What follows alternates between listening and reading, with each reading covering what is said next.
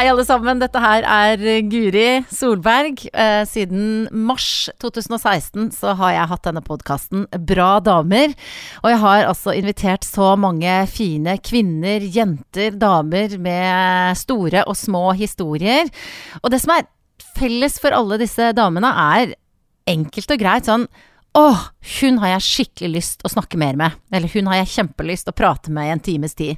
Og sånn er det også med dagens eh, bra dame. Jeg har intervjua henne før til et TV-program eh, i regi av Kreftforeningen på TV 2. Og siden da så har jeg tenkt ganske jevnlig på Rebekka Island, og lurt på når jeg skal få møte henne igjen. Og det var i dag det, Rebekka. Hallo. Ja, hallo. hvordan, eh, hvordan har du det? Jeg har det veldig bra. Ja. Ja. Du, det å være i en sånn um, podkast som det her, det å bli intervjua For altså, du har ikke gitt ut noe bok, du har ikke Selv om Rebekka Island, det er litt sånn popstjernenavn. Jeg syns det. Ja, du burde, Litt burde stilig. bli artist. Nei, men altså, du er en um, eh, håper å si, eh, vanlig tobarnsmor fra Ja. Askøy utenfor Bergen. eh, Sykepleier, gift, eh, to sønner. Eh, og så, selv om det ikke ser sånn ut, så er du sjuk. Ja. Eh, du har kreft. Og det var det som var utgangspunktet for at jeg møtte deg ja. um, første gang. Og det er mye av hvordan du utad takler den sykdommen, den situasjonen du Mm, er i, som mm. gjør at jeg tenker at du er en inspirasjon for meg og for andre. Så da fikk jeg plassert litt eh, motivasjonen. Men Mm. um, nå skal jeg slippe til deg. Hvordan har dagen vært så langt? Eh, ganske stressende, hvis jeg skal være helt ærlig. Eh, ikke fordi jeg skulle her, men eh, det er nå det vanlige mandagsstresset med levering i barnehagen og unger som ikke vil noen ting og Ja. Så Men eh, det gikk til slutt. Mm. I sånne situasjoner når, um, når barna slår seg vrang, så da kan jeg slite litt med tålmodigheten av og til. For hvordan er Ja. du i en sånn stressa morgensituasjon? Jo, altså, jeg føler jo at jeg sikkert har verdens dårligste tålmodighet. ja. Hva gjør du da, når, når klokka tikker og gutta skriker? Nei, det blir jo eh, ofte litt eh, kjefting og eh, sure minner både fra voksen og barn. Mm. Dessverre. Ja, det er ikke noen god følelse. Men eh, jeg trøster meg med at eh, sånn her, det er det i alle hjem. Ja, men det er det jo. Ja. Ja, ja. Jeg husker vi snakka litt om det forrige gang vi møttes også, at uh, Det er ingenting Det er- unormalt ved det. Nei, og det er egentlig litt sånn deilig at man kan snakke om det være litt sånn ærlig Ja. på I dag Ja. klikka jeg. Ja. Eh, så kan man liksom dele den erfaringen. Ja. Mm. Forrige gang vi møttes, så, så husker jeg at da starta jeg liksom praten med å si sånn Ok, hva er status med sykdommen din nå? Eh, går, går det an å fortelle nå hva. Selv om det er komplisert. Det er jo litt komplisert, men eh, akkurat nå så er jeg litt sånn i si mellomfase der jeg ikke helt vet. Eh, men du kan si man kan ha en følelse på hvordan det går. Eh, jeg skal ha kur om fire dager, eh, men jeg tok et bilde i forrige uke som jeg håper at det kommer svar på før. Sånn at de vet om jeg trenger den kuren eller om jeg må bytte, da. Eh, og så varierer den følelsen min på det der. Noen dager så Eller noen ganger i løpet av dagen så kjennes det ut som at eh, ok, nå er det et eller annet i gjerdet som Nå vokser det, eller nå er det et eller annet som ikke er helt bra. Eh, og så tenker jeg at kanskje jeg må bytte kur, da. Eh, men så plutselig så går det over, og så forsvinner den følelsen helt. Og så kjennes det ut som nei, det er ingenting i veien, og så bruker jeg litt de erfaringene som jeg har fra før, der jeg har liksom vært litt sånn Er det noe i veien nå? Og så har bildene vist at nei, det gikk greit. Det var ingen forandring. Eh, så jeg slår meg stort sett til ro med at jeg skal ha den kuren på torsdag. Ja, for, for du har vært i en sånn situasjon at, uh, at du har fått det som heter utprøvende behandling, stemmer det? Ja, tidligere. Ja. Mm. eh, og, eh, og, og hva slags, når du sier du skal ha kur nå, hva slags behandling er det du får nå? Eh, Det er egentlig en cellegift som jeg fikk i 2016 da jeg var syk første gang. Men nå har jeg fått flere kurer av den, da. Eh, Så det er en cellegiftkur som heter Taxotera, men det sier jo ikke lytterne kanskje noe, men, Nei, men det er sikkert en del som hører på, som Ja. kanskje har den opplevelsen tett Ja. på livet selv. Ja. ja. Mm.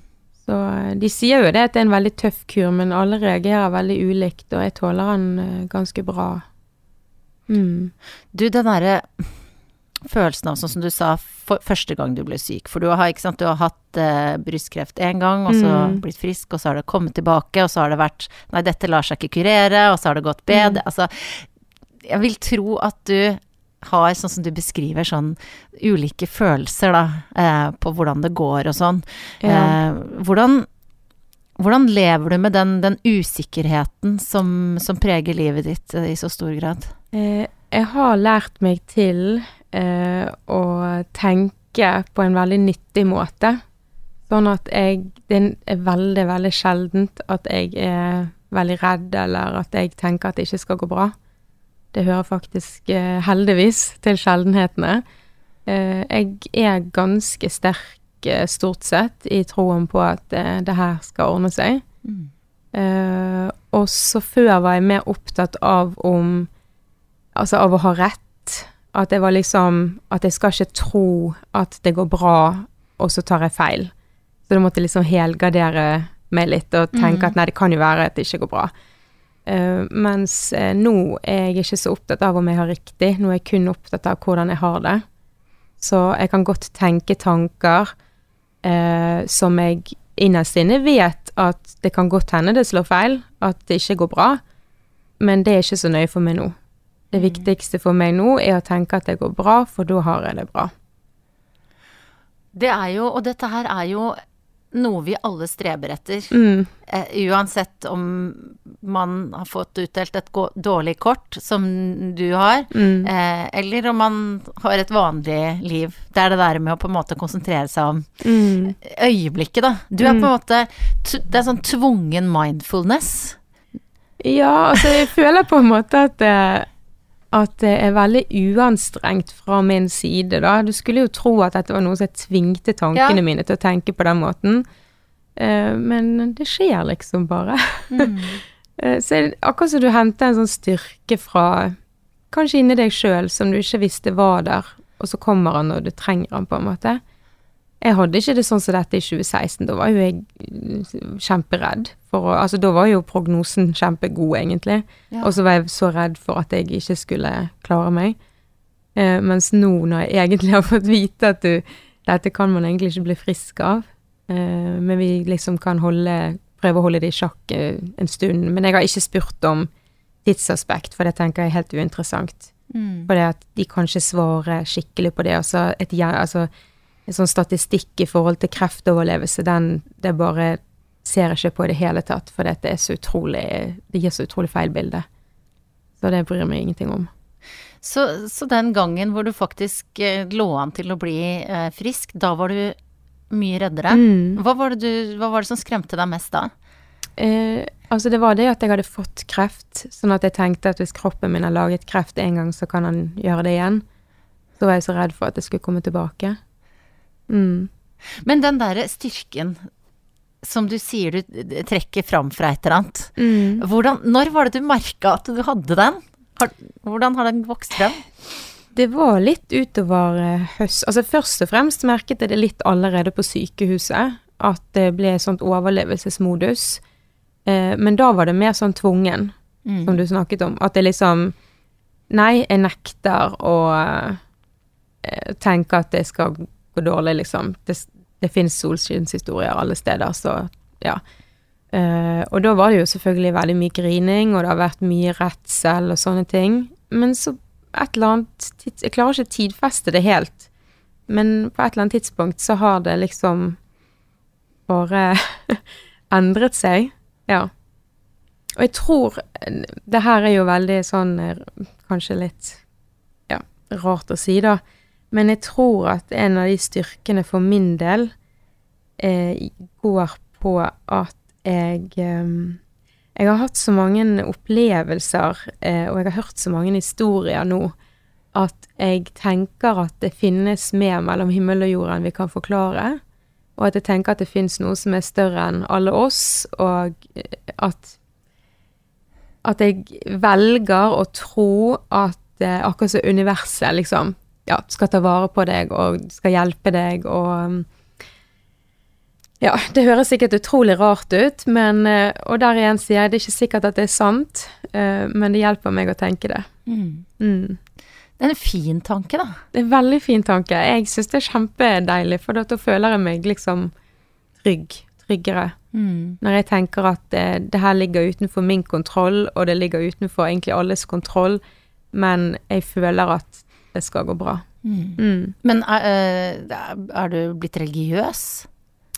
Eh, jeg har egentlig alltid vært eh, kan du si, en troende person, men jeg pleier å si at jeg er ikke sånn troende sånn som Jeg, jeg, har, jeg har min egen religion, hvis Ja. du skjønner. Ja.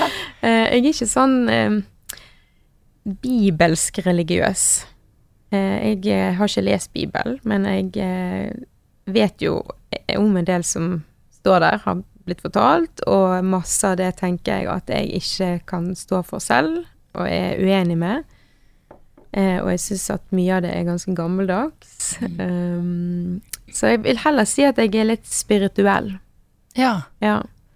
Eh, og at jeg tror på Jeg tror på at det finnes en, en energi, en slags gud, en, ja, slags overmakt eh, som har liksom skapt alt og sånn, da. Det tror jeg. Så du kan jo si at jeg er religiøs, men eh, eh, jeg tror på mer på sånn godhet, og um, jeg kan tro eksempel på sånn reinkarnasjon, som det heter. Sant? At sjel lever videre. Tror du at du har levd før?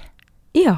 Hva, har du noen følelse av som hva da? Nei, nei, jeg har ingen sånn opplevelse eller følelse av det, men jeg, jeg er sånn som tror på at sjel er her og låner kroppen, og så, når man dør, så går sjelen videre, og så er den i en dimensjon til den er klar til å fødes på ny, da. Mm. Det er sånn jeg tror på.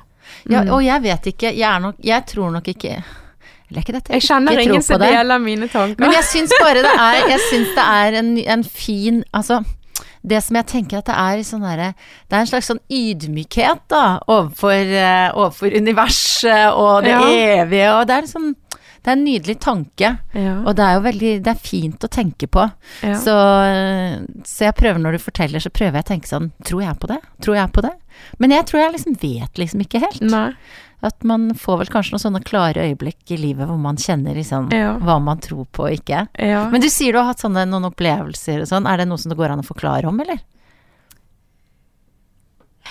det blir jo veldig spesielt, da. Men ehm, det var Dette blir, veldig, dette blir jo veldig spesielt. Jeg vet jo ikke om jeg skal si det, hvordan redigere vekk. Nei, altså det var, det var en periode i høst eh, jeg var innlagt på sykehuset. Jeg skulle egentlig delta i Rosa sløyfe-løpet her i Bergen. Ja. Ble innlagt pga. at jeg hadde ingen immunforsvar og fikk eh, en forkjølelse med feber og måtte ha antibiotika og sånn. Eh, også pga. Eh, lungene og en hoste, og at det var liksom, de måtte utelukke blodpropp og sånn, tror jeg, i lungene. Så tok jeg et setebilde, eh, men så skulle jeg ta en oppfølgingssete av lungene, for de hadde jo sett at det var noe på lungene som de lurte på om var spredning, men de kunne ikke si det sikkert. Så slo de liksom sammen det bildet, da, så jeg fikk tatt det mens jeg var innlagt, eh, bare for fremskyndet et par dager. Eh, og så kom legen eh, og sa at, eh, at jeg skulle få opp mannen min, da, at de skulle ha et møte med meg. Og da kjente jeg at shit, dette er ikke gode nyheter de skal komme med nå. Eh, og da fortalte de at det på lungene hadde forsvunnet, da. Og som i utgangspunktet var en god nyhet, men da konkluderte de med at det var kreft, da. Eh, og at derfor var det spredning, og at det derfor ikke var mulighet til å kurere meg, da. Um, og da, etter at mannen min var gått hjem den kvelden, så var jeg jo Vi var jo skikkelig lei oss. Uh, og da husker jeg at jeg liksom ba en liten bønn, sånn kjære Gud, og nå, må, nå trenger jeg all styrke som jeg kan få her, og hvis det er noen sånn her eh, type Hva heter det for noe sånn oh, Sånn åndelige guide eller forfedre som passer på meg, så trenger jeg at de kommer nå. Ja. Og jeg trenger et tegn på at sånn at jeg vet at det er noen her. Det sa jeg sånn høyt, jeg hadde enerom, sant, siden jeg hadde ingen immunforsvar. Og, og eh, jeg har ikke for vane å gjøre dette, men da var jeg litt sånn helt knust, på en måte. Og så la jeg meg til å sove, og det siste jeg gjorde var Vi har sånn elektrisk seng, alle sengene på sykehuset er jo det. Så la jeg ned ryggen på sengen, og så hang jeg den elektriske på, på sengekanten, da. Det var det siste jeg gjorde før jeg sovnet. Og så, eh, når jeg våknet morgenen etter, og så skulle jeg spise frokost, så skulle jeg ta opp igjen sengen. Uh, og da virket det ikke den sengen. Og så ble jeg liksom, snudde meg og så, da, og da var stikkontakten dratt ut. Og de er skikkelig sånn, du må bruke all makt Ja. for å dra. De kan ikke være sånn halvveis inne, da virker det ikke. Du må trykke de inn hardt, og du må dra de veldig hardt ut igjen. Og da bare kjente jeg, åh, hvordan har den kommet ut? Så tenkte jeg, kan nattevakten ha tatt ut stikkontakten? Det var jo litt rart. Um, så jeg levde jo helt fram til nattevakten kom på igjen den samme kvelden. Så var jeg litt sånn, er dette det tegnet jeg ba om, eller er det nattevakten som av en eller annen merkelig grunn har tatt ut stikkontakten? Det skulle jo ikke være noen grunn for det. Eh, Så var det hun samme som kom på det, og så jeg spurte hun om hun hadde vært inne, men hun hadde bare vært liksom inne og kikket, og så hadde hun eh, hengt opp en eh, antibiotika på meg, da, men hun hadde ikke brukt verken sengen eller tatt ut stikkontakten eller noen ting. Eh, og jeg sov jo. Jeg lurer på om jeg ikke fikk antibiotika da, at det var at hun bare hadde kikket inn døren. Nå husker jeg ikke de detaljene helt. Men hun hadde i hvert fall ikke rørt sengen. Og da skjønte jeg jo, det, det var det. Da fikk jeg litt sånn derre Og så tenker jeg, ok, om ikke det er sant, om det var en tilfeldighet, så ja ja, så lenge jeg tror på det, og så lenge jeg føler at ok, jeg blir faktisk ivaretatt her. Så det, det viktigste for meg er å føle den gode følelsen, skjønner du? Så du så det som en mulig tegn på at noen hadde vært der? Og... Ja, nå syns sikkert mange at jeg er veldig koko, men uh... Nei, Rebekka, det er nydelig. Altså, for det spiller jo Jeg tenker jo, det er som du sier, det spiller jo egentlig ingen rolle. Men, det, men, men for deg så er det viktig å tenke da at det kan liksom ha vært et tegn fra noen som passer på. Jeg trenger å ha noe sånt å tro på som er utenfor oss sjøl, som er Mm. Større enn oss. Eh, fordi at da hjelper det meg til å ha det bra og tenke at dette kan gå bra. Mm. Og så hvis ikke det går bra, så hadde det i alle fall fint fram til det, da. Ja. Skjønner du? Ja, jeg skjønner veldig Ja. godt hva du mener. Så det er liksom det som er fokuset mitt, da. Mm. Mm. Du, altså, jeg stotra jo litt sånn når jeg starta podkasten her, og jeg også, det er lenge siden jeg snakka med deg om å, Ja. kanskje du vil være med i podkasten min og sånn. Fordi at jeg var liksom Det som jeg ikke vil, er at det er sånn der Bra damer! Kreftspesial! Se, her er hun! Hun er Altså, det er på en måte jeg du er mer enn sykdommen din, er det jeg prøver å si. At Ja, jeg vil takk. ikke gjøre deg til en sånn vandrende talsperson Mm. for eh, det å ha en alvorlig sykdom. Mm. Men jeg tror nok at det som eh, Det som gjør det ekstra interessant også, er at du har valgt gjennom hele tida du har vært sjuk, Mm. er at du har vært sånn åpen om det. At du har Mm. hatt en blogg, sikkert først og fremst for eh, familien din for å kunne orientere dem, men også eh, vært åpen eh, på Facebook og i sosiale medier. Ok, nå skjer dette. Nå føler jeg dette. Nå er jeg frustrert over dette. Mm. Um, og det er et modig valg å ta, som jeg tror hjelper veldig mange. Mm. Både pårørende og folk som er i samme båt. Mm. Hva koster det deg, den åpenheten eh, som du viser her hos meg, og som du viser hver dag ellers? Selve åpenheten koster meg ikke så veldig masse. Det som koster meg, er å um, skrive. Fordi Mm. at jeg bruker Hvis jeg skal gjøre det, så bruker jeg veldig mye energi. Uh, og det er jo noe jeg ønsker å gjøre, men nå er ikke bloggen min oppdatert siden mars, faktisk. Um, men eh, nei, altså selve åpenheten har ikke kostet meg noe. Jeg har kun fått positive reaksjoner på det. Jeg har eh, er veldig glad for at jeg har vært så åpen. Det er veldig mange som har sendt meldinger og takket for det. Eh, og det gir jo en god følelse, og lysten til å fortsette eh, blir jo da til stede. Eh, så åpenheten syns ikke jeg eh, har hatt en pris. Eh, men det har en pris, og jeg må, jeg må liksom velge hvor energien min blir brukt, da. Og akkurat nå så bruker jeg energien min egentlig på to ting. Og det ene er um, på en måte det som jeg anser som min nye jobb, da. Å bli frisk fra Mm. kreften. Eh, jeg føler ikke at jeg legger et ansvar på meg i den forstand, men jeg ser på det som at jeg faktisk har noe jeg kan gjøre. At jeg kan bidra til å styrke kroppen min, styrke immunforsvaret. Eh, så jeg bruker mye energi på å finne ut hva jeg skal gjøre, og gjøre de tingene. Eh, og så resten er til familien. Mm. Ja, så da blir det ikke så mye energi til, eh, til å blogge og, og sånn. Jeg har egentlig faktisk eh, mer fokusert i det siste på Snapchat-kanalen min, Mm. eh, fordi at det forsvinner etter 24 timer. Det kan, Ja. det kan fortsatt hjelpe noen der og da, eh, hvis jeg kommer med noen tips eller råd og sånn, men jeg trenger ikke å bruke så mye energi fordi at jeg skriver ingenting som blir liggende der for alltid. Eh, Så jeg, jeg føler ikke at jeg må produsere, eller eh, at det liksom Det må være velskrevet, og at jeg ikke må ha glemt noe, eller Skjønner du hva jeg mener? Jeg skjønner Ja. godt hva du mener. Så derfor så Jeg har ikke tenkt å slutte med bloggen, men akkurat her og nå så har den blitt litt nedprioritert eh, fremfor de andre tre tingene, da, kan du si. Ja. Men så kommer du hit da og bruker, uh, bruker tid og krefter på å prate med Mm. meg. Når Men det går, nå- det går inn under den eh, ønsket om å bidra, Ja. eller å gi noe tilbake. Sant? Jeg Mm. føler jeg har fått så mye kjærlighet og fått så mye støtte, eh, og at eh, når man er ute av arbeidslivet og blir litt sånn på siden av alt det, så får man liksom identiteten sin litt sånn satt på prøve. Hvem er du nå? Sant? Er du kun en kreftpasient? Er du kun en mamma? Sant? Mm.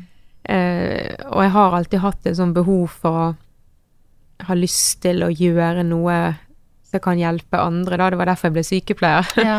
Eh, så når ikke du kan være i jobb, så, så, så ser jeg på disse tingene, sånn Snapchat eller å være her, at man faktisk kan gi noe tilbake til noen, da. At kanskje noen kan ja, ha nytte av det man Mm. De erfaringene man sjøl har gjort seg, da.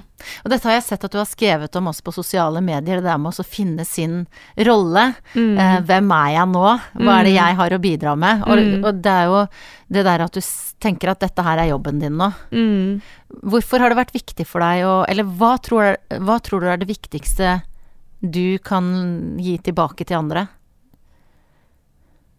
Eh, håp. Hvis jeg skal trekke frem ett ord. Og det er alltid håp. Ikke gi opp, liksom, tenker Mm. jeg. Hva er det som har fått deg til å ha det håpet? Det er jo de tingene som jeg har snakket litt om, og så er det på en måte at jeg har hørt historier fra andre, sant. Hadde ikke jeg hørt de historiene, så hadde kanskje ikke jeg hatt så mye håp heller. Og jeg håper at jeg kan bli en sånn historie en gang. Mm. eh, som kan spre håp, men akkurat nå er på en måte Ja, kanskje jeg skulle trukket fram det i tillegg til håp, da, at det å ha det så bra som mulig i livet eh, når man opplever ting som man faktisk ikke kan kontrollere, Mm. og som man ikke kan få gjort noe med. Altså, får du kreft, eller får du en eller annen sykdom, eller ja, eller la oss si du får et barn, da, som har en eller annen kronisk lidelse, eller, eller at du mister en nær person. Det er sånne ting som de fle- altså veldig mange må oppleve sånne ting gjennom livet, at man møter motgang, men så kan du faktisk ikke gjøre så veldig mye med situasjonen. Du kan ikke endre situasjonen, eh, men du kan faktisk gjøre noe med hvordan livet ditt er med den situasjonen. Eh, og det håper jeg å formidle til folk, at ja, gjør det beste ut av det du har. Eh, for det at du har liksom det ene livet, da, og hvis du går helt i kjelleren og ikke kommer deg opp igjen derifra, for det er jo helt i orden å gå i kjelleren, de fleste vil jo gjøre det når man møter på en veldig stor utfordring i livet, mye større enn man skulle ønske. Eh, men man må liksom bare passe på at man ikke blir værende i den kjelleren, da. At, eh, for det at Hva liv har man da? Ja, for jeg merker jo at eh, selv om vi ikke kjenner, hverandre så godt, så har Mm. jeg sånn fått god kontakt med deg og tenkt mye på deg. Og jeg Mm. kan liksom tenke på litt sånn bitterhet på dine vegne. Jeg syns det er noe drit. At du, du er mye yngre enn meg, og, og at det er så urettferdig at eh, du har en sånn diagnose. Når, når det er så mange andre som er så mye eldre, som er så mye Ikke sant. Man blir jo litt sånn helt sånn ko-ko. Ja. Men, men det virker som at den bitterheten som jeg på liksom kan øh, ja. At den er ganske fjern for deg. Ja, altså, jeg tenker aldri sånn. Og det er litt fordi at ehm, Jeg hadde faktisk en sånn situasjon her om dagen. Jeg husker ikke hvem det var jeg snakket med. Det var noen som snakket om det at um, Hvordan ting kunne vært, sant. Ja. Og da sa jeg bare, vet du hva, jeg kan faktisk ikke tillate meg å tenke på alt som kunne vært, og hvordan livet burde vært. Eh, For hva Det gagner jo ikke meg. Altså, alle vet hvordan man ønsker at et liv skal være, men hvis man tenker for mye på hvordan man skulle ønske at ting var, når det ikke er sånn, så vil man jo bare bli deprimert, da, Mm. og lei seg, og de følelsene går ikke jeg inn i, for det, gir meg ingenting.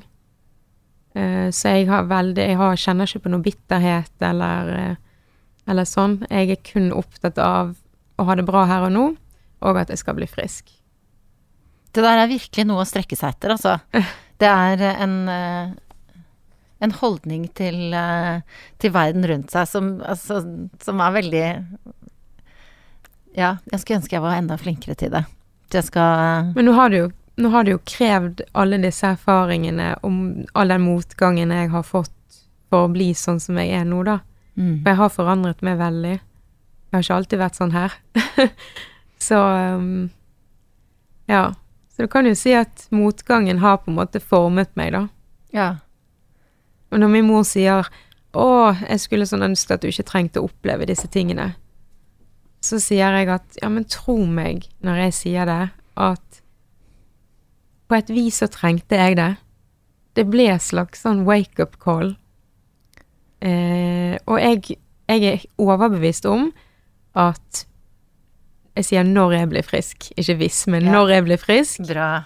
så vil forutsetningen for å ha et veldig mye bedre em, eh, liv og være mye mer sånn i ro og være mye mer trygg i meg sjøl og ha et mye bedre liv, det, den forutsetningen vil være mye større enn den var hvis jeg ikke hadde opplevd denne sykdommen og alt jeg har opplevd underveis. Når du inn til mammaen din men når du sier dette, eller? Ja, hun sier liksom at, eh, at det er litt sånn vanskelig for hun å tro på det. Det skjønner jeg. Jeg tror ikke jeg hadde trodd på det hvis det var noen andre som sa det. Og jeg kan fortsatt bli utrolig lei meg på andre sine vegne hvis jeg vet om en person som har hatt kreft, eh, som egentlig har blitt frisk, og som har da mottatt eller beskjeden om at de har fått spredning. Så, så tenker jeg fortsatt å herlighet, stakkar de, og nei, det, det var forferdelig. Og, og så, så er jo jeg egentlig der sjøl, men jeg ser ikke på det på den måten. Det er veldig rart. Um, kan ikke forklare det. Man er på en måte inne i en slags sånn boble, men jeg var ikke i den boble i 2016, kan du si. Eh, da var det en litt annen boble. Ja. Men nå fyller du jo denne bobla di med, med ting som gir deg et godt liv, som du sier. Ja. Jeg har jo vært hjemme i stua di på Askøy, da dansa vi rundt. Da Ja. var det liksom veldig sånn inspirert av at du på Snapchat av og til så har du sånne hvor du liksom bare danser deg inn i dagen for å Ja. få en lite, et lite boost. Eh, gjør du fortsatt det, eller? Ja, og. Det, det hjelper, men eh, jeg gjør det jo mest når jeg egentlig ikke har en så god dag. Eh, og i det siste så har jeg hatt det ganske så bra, så jeg har egentlig glemt det litt, da. Eh, men jeg har av og til gjort det for å minne andre på om, om å gjøre det. um, så, men det, det hjelper virkelig, altså musikk og å bare danse litt hvis man har en dårlig dag, det, det kan gjøre mye bra. Mm. Hvilke andre ting er det du gjør eh, som er på en måte med på å gjøre livet ditt bra? Hva er det som er viktig for deg? Selvfølgelig familien, som du sier. Mm. Men hvilke situasjoner skaper du for å ha en bra dag? Um, veldig mye av tiden min går til denne her såkalte Jeg kaller det for hjemmekontoret. eh, prøver å bli frisk. Eh, men jeg må passe på at jeg legger inn litt sånn lystbetonte ting også. Eh, det å gå tur, for eksempel. Eh, og da uten å høre på podkast eller musikk. Men å bare høre på fuglekvitter, høre på vinden som rasler på bladene i trærne. um, da jeg var på Santorini, sant? bare høre på sjøen som slår inn um, på stranden. uh, da kjenner jeg meg sånn Ja. Og da føler jeg denne følelsen av at herlighet, verden og universet Altså, for vi er så Vi blir så grådig sånn inni vår boble med sant, digitale, og vi, vi er veldig mye på telefon, og vi kobler oss veldig på det sosiale medier og alt dette her, og så glemmer vi liksom å eksistere i naturen og i ja, i universet, da. Ja. Eh, og når man på en måte kobler vekk all den der inputen og bare går i naturen og får kun naturens input, så får jeg denne følelsen av å være åh, ja, her er vi, liksom. Dette skal gå bra. Mm. Du sa du hadde vært på Santorini og hørt bølgene slå inn mot stranda. Du var en uke, nå nylig, eh, på ferie Ja. aleine Ja. for å sove og sole deg og slappe av. Ja. Hvor mange ganger har du vært på ferie alene før? Aldri. Hvordan likte du det? Eh, Vet du hva, det ga virkelig mersmak. Jeg var litt sånn nervøs før jeg skulle dra og tenkte oi, kommer dette til å Hvordan kommer dette til å være, og kommer jeg til å bli ensom, og Ja, at det var litt skummelt. Jeg tenkte kommer jeg til å tørre å gå ute, og Ja. Men det gikk altså så fint. Det var ingen problem. Og det her med å spise middag på restaurant, eksempel, aleine, det også var litt sånn Men det var ingen problem. Det var, det var helt nydelig. Ja. Ja, det ga virkelig mersmak, og det vil jeg egentlig anbefale til alle som har anledning til det, da. Bare ta en liten sånn eh, rekreasjon, eller recovery, eller hva Mm. jeg skal kalle det for noe. Ja, ja. Litt sånn eh, ja. Hvis, du trives i ditt eget selskap, da. Kanskje du ikke tror du trives i ditt eget selskap, men så viser det seg at du gjør det. jeg syns i hvert fall det var veldig fint. Hva, hva er det du savner mest av livet ditt eh, før du ble syk? Ehm, jeg savner på en måte mammarollen uten sykdom. Ja. Den fikk ikke jeg ha så lenge. Hvor gamle var gutta dine da du ble syk eh, første gang? Eh, 14 måneder, de er tvillinger. Ja. Så det, det, det skulle jeg ønske at jeg hadde mer sånn tid til å være mamma. Men nå kommer vi jo inn på det der igjen som er Altså, jeg skal ikke tenke hvordan det burde vært, for da blir det jo litt sånn trist, men ehm, Ja, syns vi jo vi, vi klarer oss ganske bra, men det er jo noe med det at når, når man har åpnet den døren til dødeligheten, hvis jeg kan kalle det det, da, så vil jo enkelte ting aldri bli det samme igjen, for du har fått på en måte kjent på kroppen virkelig hvor dødelig man egentlig er, og hvor fort alt bare kan endre seg. Eh, så akkurat det skulle jo jeg eh, gjerne hatt igjen, da, den derre ja, det er sånn van... Altså, jeg kan huske første gang jeg ble syk, at jeg kunne gå rundt på butikken, og så gikk jeg nå der, da. Sant? Altså, livet gikk jo videre.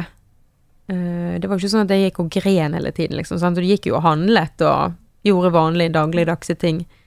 Og da husker jeg at den gangen så kunne jeg liksom bli litt sånn misunnelig på de andre som jeg så rundt på butikken. Sant? De var gjerne og handlet med barna sine, og da kunne jeg bli litt sånn misunnelig på den Åh, så heldig du er som er frisk, og som ikke har noen problemer. Men så tenkte jeg meg om, og så tenkte jeg jøss, det er jo ingen som kan se på meg at jeg, jeg har fortsatt håret mitt.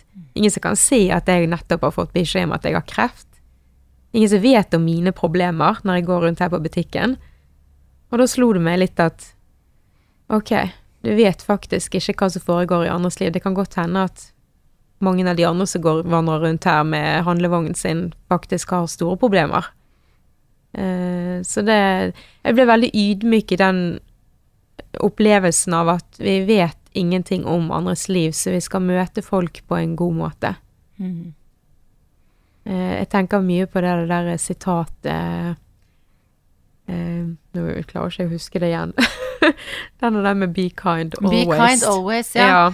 Altså at alle, Alle kjemper en kamp, som du Mm. ikke vet noen ting om, så man skal møte folk med respekt og vennlighet. Det, det har jeg alltid med meg. Mm. Det er, en, eh, det er en nyttig ting å ha med seg, spesielt når folk oppfører seg som idioter, syns jeg. Ja. For da tenker man at eh, ok, ja, men det, det er et eller annet. Jeg har faktisk eh, opplevd å være mye mer tolerant i møte med andre, altså mennesker som oppfører seg, som du sier, veldig dårlig. Og så har jeg min, Mitt gamle jeg ville kanskje tent på alle plugger, for jeg kan være litt sånn eh, Kan bli hissig hvis jeg føler noe urettferdighet eller sånn. Uh, og kanskje kjeftet på de eller noe sånt. Men uh, så har jeg liksom det der med meg at ja, ok, kanskje du har en stått opp med feil fot, eller kanskje du faktisk har et et stort problem i livet ditt som gjør at du reagerer på denne måten, så møter det med litt mildere tone. Mm. Ja, det er lurt det, altså. Det er jo ikke, det er ikke alltid lett å huske på det, da, men, eh, men eh, det, det er en lur ting å ha med seg, tenker jeg. Ja, og så hjelper det ofte, da. De blir Ja. jo ofte, disse kjipe folka er jo ikke liksom ondskapsfulle drittsekker. Det er jo som regel hjelper jo litt hvis man er litt rausere Mm. eller varmere, så, så løsner det opp litt. Grann.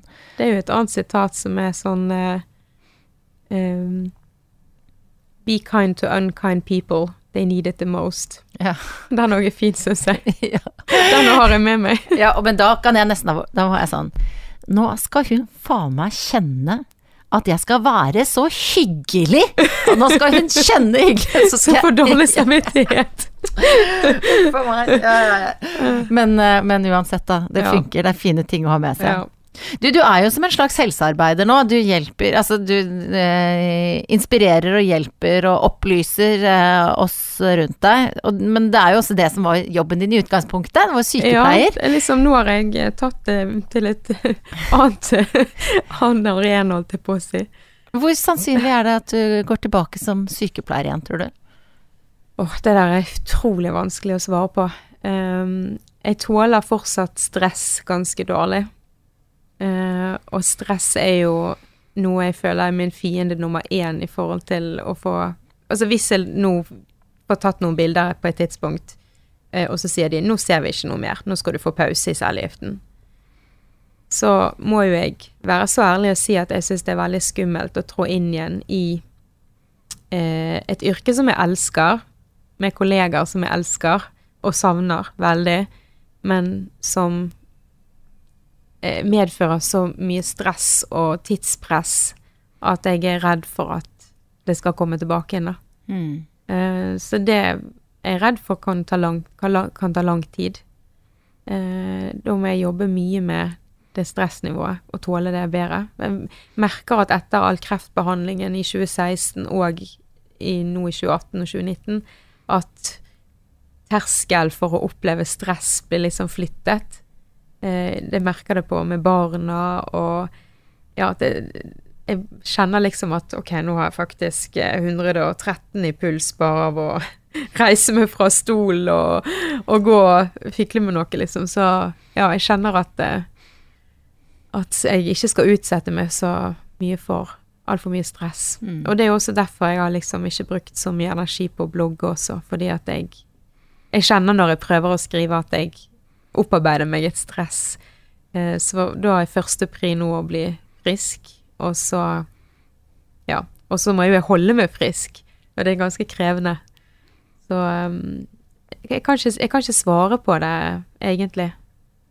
Eh, Hvor tid og hvor sannsynlig og Jeg vil jo prøve, men eh, det kan, kanskje jeg skal finne en ny vei. Jeg vet ikke. Hva er Det du drømmer om, da? Akkurat nå så drømmer jeg faktisk om um, å bruke mine erfaringer og um, jeg skulle, ja, så sant, jeg sa jo akkurat at jeg syns det er stress å skrive, men jeg kunne faktisk tenkt meg å, å skrive bok. Jeg kunne tenkt meg å vært foredragsholder, motivator, sånne type ting. Eh, Jeg følte at det hjalp på den måten, da. Eh, For det er noe med å finne en måte å ja, altså jeg, nå, ikke, nå tar ikke jeg sorgen på forskudd om at jeg ikke eh, vil være i stand til å ha en vanlig type arbeidsplass og sånn, men det er jo noe med det at eh, de fleste arbeidsgivere kan ikke tilby en fleksibilitet som mange kreftpasienter kjenner på at de trenger etter behandling. Eh? Har du en, en arbeidstid i åtte timer, så, så, så må du være der i åtte timer, og du må gi jernet, liksom. Du kan ikke gå der for halv maskin, liksom. Eh, så å finne, finne noe som der jeg kan jobbe når formen tillater det, Ja. og så og så at ikke det er så langvarig, men at jeg kan slappe av imellom øktene, på en måte, det, det hadde vært eh, veldig bra for meg, tror jeg. Mm. Er dette her tanker som Altså, for det er sånn spennende å tenke på. Eh, å, kanskje jeg skal skrive bok, kanskje altså, det Er jo sånn Er det ting som gjør deg inspirert og glad når du tenker på disse tingene? Eh, ja, men kanskje mest eh, litt stressa, så jeg tenker ikke så veldig mye på det. Eh, som sagt så er det liksom Jeg må bruke energien på familien og på å bli frisk, først og fremst.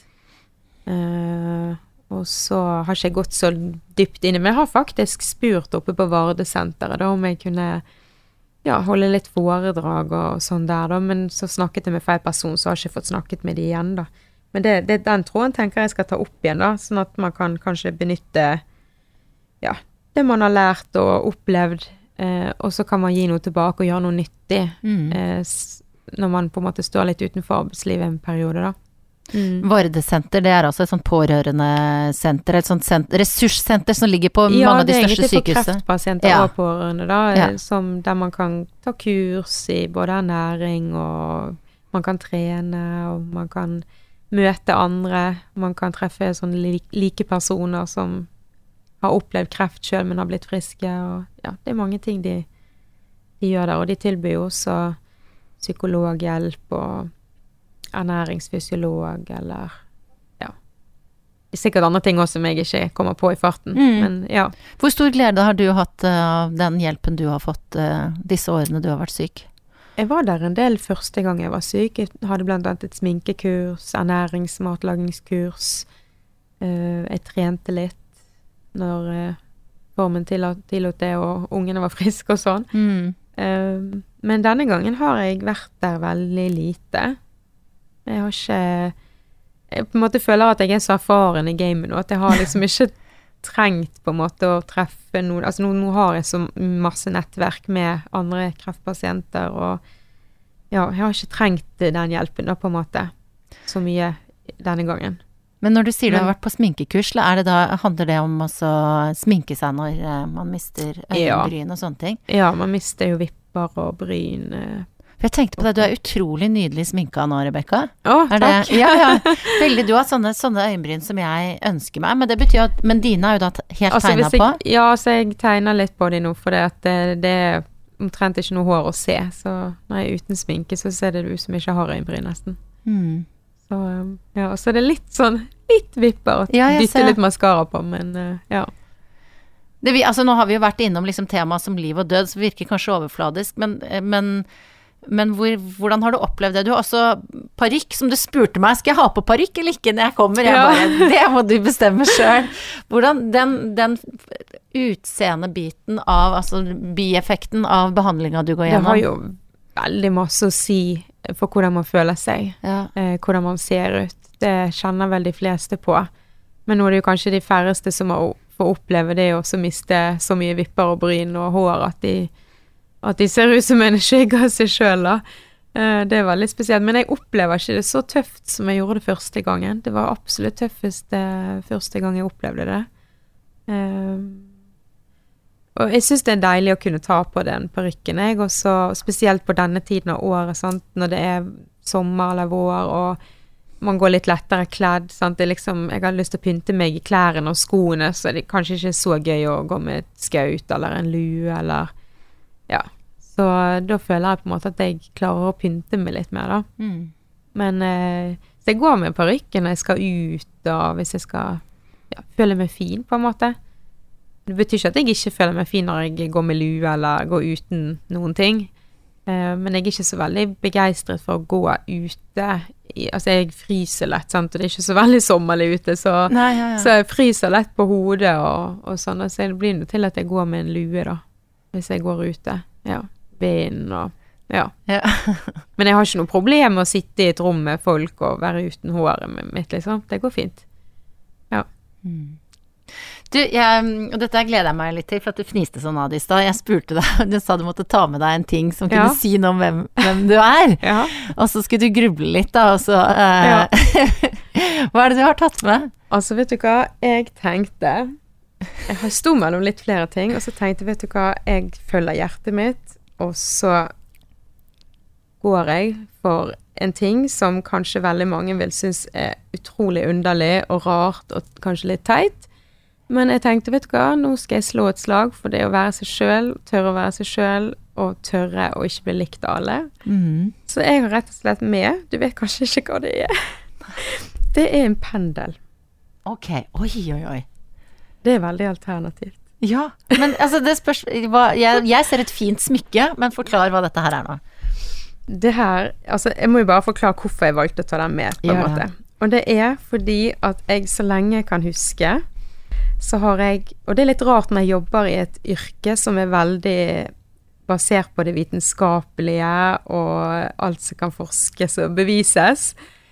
Eh, så jeg, jeg, det er ikke mange i min omgangskrets som deler mitt sånn alternative ja, livssyn og sånn. Men eh, jeg har, så lenge jeg kan huske, alltid vært opptatt av det som ikke kan forklares. Og ja, litt sånn Hva skal man si?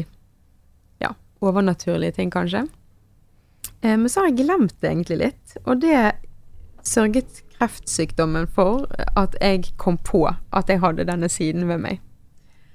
Og i mars så var det altså eh, en venninne av meg eh, som sendte Hun er den eneste nesten jeg vet om som er opptatt av sånne ting også.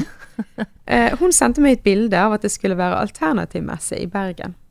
Og det har jo det sikkert vært i mange år. Og jeg skjønner ikke hvorfor jeg ikke har gått på det. For dette er jo en litt alternativ person. Eh, men jeg bestemte meg for at det skal jeg gå på i år. Og målet mitt med å gå der, det var å få snakke med en klarsynt person. For å liksom høre litt om Gjorde du det? Ja, for jeg, jeg følte at jeg sto litt fast. At jeg vet ikke hvor veien går. Jeg, jeg har følt at kreften har ledet meg inn på en ny sti, og den er litt gjengrodd, og jeg ser ikke hvor jeg skal. Så jeg tenkte nå må jeg få snakke med noen som ser litt mer enn det jeg ser. Som kan fortelle meg litt hvor går veien nå. Eh, så jeg gjorde det, og så fikk jeg den her. Og ble forklart at den kan du bruke til ja-nei-spørsmål, men ikke liv og død, og Nei. ikke kjærlighet. Oh, nei, okay. Så jeg sa ok, det er helt greit. Og så begynte jeg litt sånn i det små, og så har jeg fått veldig mange aha-opplevelser der jeg har tenkt ok, det her var litt sånn mind-blowing. Hvordan kan den gi det svaret? Og så Men går det, an å, går det an å teste nå? Jeg vet ikke. Ja. Hva skal vi Altså, teste? nei, vi- altså vi stiller et ja-nei-spørsmål. Eh, Ja. eh, og så må du liksom Så går den til Hvordan vet du om det er ja, eller hva? Ja, det har jo jeg på en måte spurt om først. Da. Ja. Så når jeg spør hvordan viser du ja, så går han liksom fra, frem og tilbake fra meg. Og så Ok. når, når jeg spør hvordan viser du nei, så går han liksom på tvers, da. Oi, ok. Så det er ja, det er nei. Ja, og dette her er jo ikke for alle, men eh, jeg har hatt veldig stor glede av den her, fordi at den styrker troen min på at det er noe vi ikke kan forklare, Mm. og på at det er noen ting som Mm. passer på meg og hjelper meg på veien. Så denne bruker jeg til alt nå. Både fra hva jeg skal spise og ikke spise, hva kosttilskudd jeg skal ta, eh, hva Jeg bruker en del sånne eteriske oljer, spør han om hvilke jeg skal bruke og ikke bruke. Oi. Så det er helt sånn konkrete ting. Ja. Ja, men ok, hvis vi sier sånn ehm, eh, om Skal Rebekka ta skal, Eller er du må spørre, da, om du skal Ja. ta deg en is på veien hjem? Ja. Uh. jeg pleier også å skrive ting på lapper, og så ligger okay. det Men nå, nå har jo ikke jeg noe lapp, da, men eh, eh, Ja, skal jeg spise en is på vei hjem? Det er litt sånn rolig bevegelse. Jeg er jo veldig redd å bevege den sjøl, altså. Kanskje du må finne svaret selv. Ja. Nei, altså det er jo eh, Det er jo litt eh, Det er sikkert i mangens øyne utrolig sært. Eh, Men jeg går all in for det som hjelper meg i hverdagen, så da går jeg for det. Ja. Og så tenker jeg at um, alternative ting, det er sånn som Da kommer det en del sånn Da kommer det litt motbør. Men det får jeg tåle. Hva tror du det kommer en storm mot bra damer nå? Det, det, eh, Nei, jeg tenkte ikke mot, mot konsertet her, men Så jeg mot slipper eh, til en sånn kvakksalve Nei, jeg syns det er spennende. Veldig Ja, altså jeg har alltid syntes at sånt, eh, sånne ting er litt spennende, og spesielt når um, Jeg kan fortelle et eksempel, da. Uh, jeg har jo en del sånn vitaminer og mineraler og kosttilskudd og sånn. Og så eh, hadde jeg annet B-vitaminer og jern i hver sin sånn boks. Eh, jeg har hatt mangel av begge deler tidligere. Og jeg hadde mange andre ting også, da, men jeg spurte liksom på hver enkelt ting om jeg skulle bruke det eller ikke. Og den sa han konsekvent nei hver gang jeg spurte. Og jeg tenkte det kan jo ikke stemme, jeg trenger jo sikkert dette. Men nei, han sa nei. Ok, eh, får bare la være å ta det da, tenkte jeg. Eh, For jeg stoler jo på han. Eh, og så var, gikk det en stund, og så var jeg hos en lege og tok uh, blodprøvestatus, annet av mye vitaminer og mineraler og hormoner og masse forskjellig. Full status. Og da, når jeg fikk de svarene, så viste det seg at jeg hadde faktisk for høy B12 uh, og for høyt nivå av jern. Helt utrolig. Kan ikke forstå det. Men det var det. Og det tydeligvis så ga kroppen min et svar om at jeg skulle ikke ha det tilskuddet. Og det skjønte pendelen. Det høres jo helt sprøtt ut, men det er ikke den eneste opplevelsen jeg har hatt med, med den. Det, det har vært også at en sier at jeg skal ta f.eks. noen oljer jeg bruker, og så husker ikke jeg hva de gjør. Så når jeg leser om de, så er det faktisk akkurat det jeg trenger. F.eks. For, å, eh, for å få hjelp til å danne nye hvite blodceller, som er immunforsvaret mitt. Sant? Når det er kjempelavt, så har den sagt at jeg Og det har ikke jeg visst om de oljene. Altså, det, det blir litt sånn sært, dette her. Men, eh, Ja, men det er Men, ikke eh, skepsis du ser i ansiktet mitt, det er undring. ja. Men, men, eh, men det var så bra at du tok den med og står for ditt, Jeg står for, jeg står din for tro det. på pendelen. ja, Og det for det. beundrer jeg, Rebekka, som jeg beundrer resten av deg. Men siden den ikke ville gi meg noe ordentlig svar nå, så har jeg til slutt tre sånne ganske enkle spørsmål som pendelen sikkert kunne tatt, men jeg tar den til deg Ja, istedenfor. ja. Det ene er hva spiste du til frokost i dag? Eh, I dag spiste jeg eh, en smoothie som er laget av eh, bær, grønnsaker og noen kjerner og frø og Og det er en del av prosjektet ditt for å liksom eh, gjøre Sør- det du kan ja, for å bli Sørge for å få masse næringsstoffer. Mm. Mm. Hvor lang tid brukte du på å finne ut hva du skulle ha på deg i dag? Kanskje mellom fem og ti minutter. Rebekka er en veldig stilig dame. Hadde en liksom svart topp og så en sånn eh, Og hva heter det rutete mønsteret her? Hundetannsmønster, tror jeg, på jakka. Den var veldig kul. Eh, og som tidligere nevnt, veldig, veldig elegant sminket. Vet du hva det neste spørsmålet er? Ja, det har jeg gruet meg til. Rebekka har nemlig hørt på podkasten min, så hun vet at jeg pleier å spørre om når hadde du sex sist? Ja, eh, og dette her har jeg faktisk eh, snakket åpent om eh, på forhånd i medier. Um, at jeg gruet meg til det spørsmålet. Mhm. Men så tenkte jeg um, Du har snakka om det på Snapchat? Ja. Ja. eh, og så tenkte jeg, vet du hva, jeg er jo litt sånn for å bryte sånn tabuer og sånne ting. Så, for jeg var litt sånn først Ok, det er lenge siden vi har hatt sex. Hva skal jeg svare når Guri Solberg spør om det der? Mhm. Og så tenkte jeg da må vi skynde oss å ha sex, sånn at jeg kan si at vi har hatt det. Men så tenkte jeg vet du hva, det skal jeg faktisk ikke gjøre. Nå skal jeg være ærlig eh, og si Får du sjokk? Eh, juli 2018. Mm. Det er snart et år siden, det. Mm. Ja. Gjør, kan jo gjøre andre ting, på en måte, men det er jo noe med hvordan den kreftbehandlingen påvirker meg, hormonene mine. Eh, Så det, det påvirker liksom både lyst og eh, tilstand, holdt på å si, der nede. Uh, så um, det er ikke sånn kjempe lystbetont, da, kan du si. Nei, det forstår jeg, og derfor så uh, Syns jeg også at det er Og det er- jo ikke så mange som snakker om, så tenkte jeg at det skal, Yes. jeg, eh, det skal jeg ta opp. Ja, Mm. det er nettopp det. At det var nydelig gjort av mannen deg. på spurte, Hva det, sa han da? det var det første jeg spurte han om. Jeg var jo på Santorini da du spurte om jeg kunne være her. Så så bare, okay. snakket jeg med han og sa kan, kan jeg være ærlig, eller skal jeg eh, Ja, hva tenker du? Syns du det er dumt om folk vet det, liksom? At det går litt trått der? Eh, nei, det syns han var helt greit. Så ja. Jeg hadde ikke sagt det hvis det ikke var greit for han, da. Nei, og det er veldig bra. Mm. Det, men jeg tror nok at det For han blir jo nysgjerrig. vi. Vi er skjønner jo og snakker mye om sånne ting, så det ja. ja. Og jeg skjønner jo at uh, det, man skjønner jo det at det, når det skjer så mange ting med kroppen din, og at du bruker energien din på å bli frisk, da, og Ja. at ting ikke er sånn som det Mm. vanligvis er. Men det jeg blir nysgjerrig på, eller som det virker som utenifra, da, er at eh, at du og mannen din Det er et stort spørsmål, men dere virker så solide. Ja, jeg føler det. At vi har en veldig solid grunnmur, og at det skal mye til å, å rokke ved det vi har, på en måte.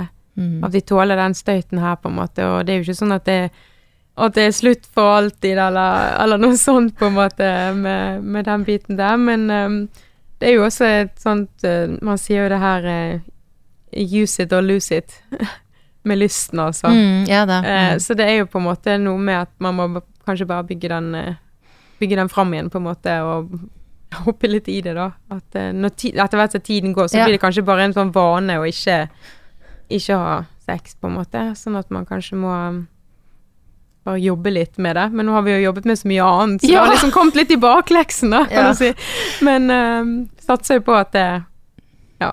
Og nå er det jo, går jo mot en litt sånn bedre årstid, så det, det er jo ikke bare selve kreftbehandlingen, men også følgene av den, sant, fordi at jeg har gjerne hele høsten og fram til slutten av februar så gikk jeg på en kur annenhver uke som gjorde at jeg hadde null immunforsvar hver 14. dag. Eh, og det, ble, det, var jo alltid forkjølelser og eh, vondt i halsen og eh, feber, eller ikke alltid feber, da, men ofte, som gjorde at jeg måtte på sykehuset og teste. Og det har liksom vært mange ting som har liksom jobbet litt imot det, da, kan du si. Mm. Så um, det går jo mot litt bedre tider nå, da, på denne tiden av året. Mm. Ja. ja, ja. Har, jeg har trua på dette, Rebekka. Takk for at du er så åpen. Jo, nå, jeg er en åpen person, så det mm. Mm. Nei, det er det jeg digger med deg. Og jeg er så glad for at du ville være med i uh, eh, podkasten min. Ja, uh, tusen takk for at jeg fikk komme. Det var jo Jeg syns det var en ære å bli spurt, så Takk. Du og pendelen din, takk for at dere kom. Og så ønsker jeg deg alt godt. Selv om det viktige, som jeg La meg inspirere av deg, er her og nå. Her og nå. At dette blir en bra dag, og så får vi ta morgendagen og etter der og etter der etter hvert. Men jeg ønsker deg alt godt. Tusen takk. Takk skal du ha.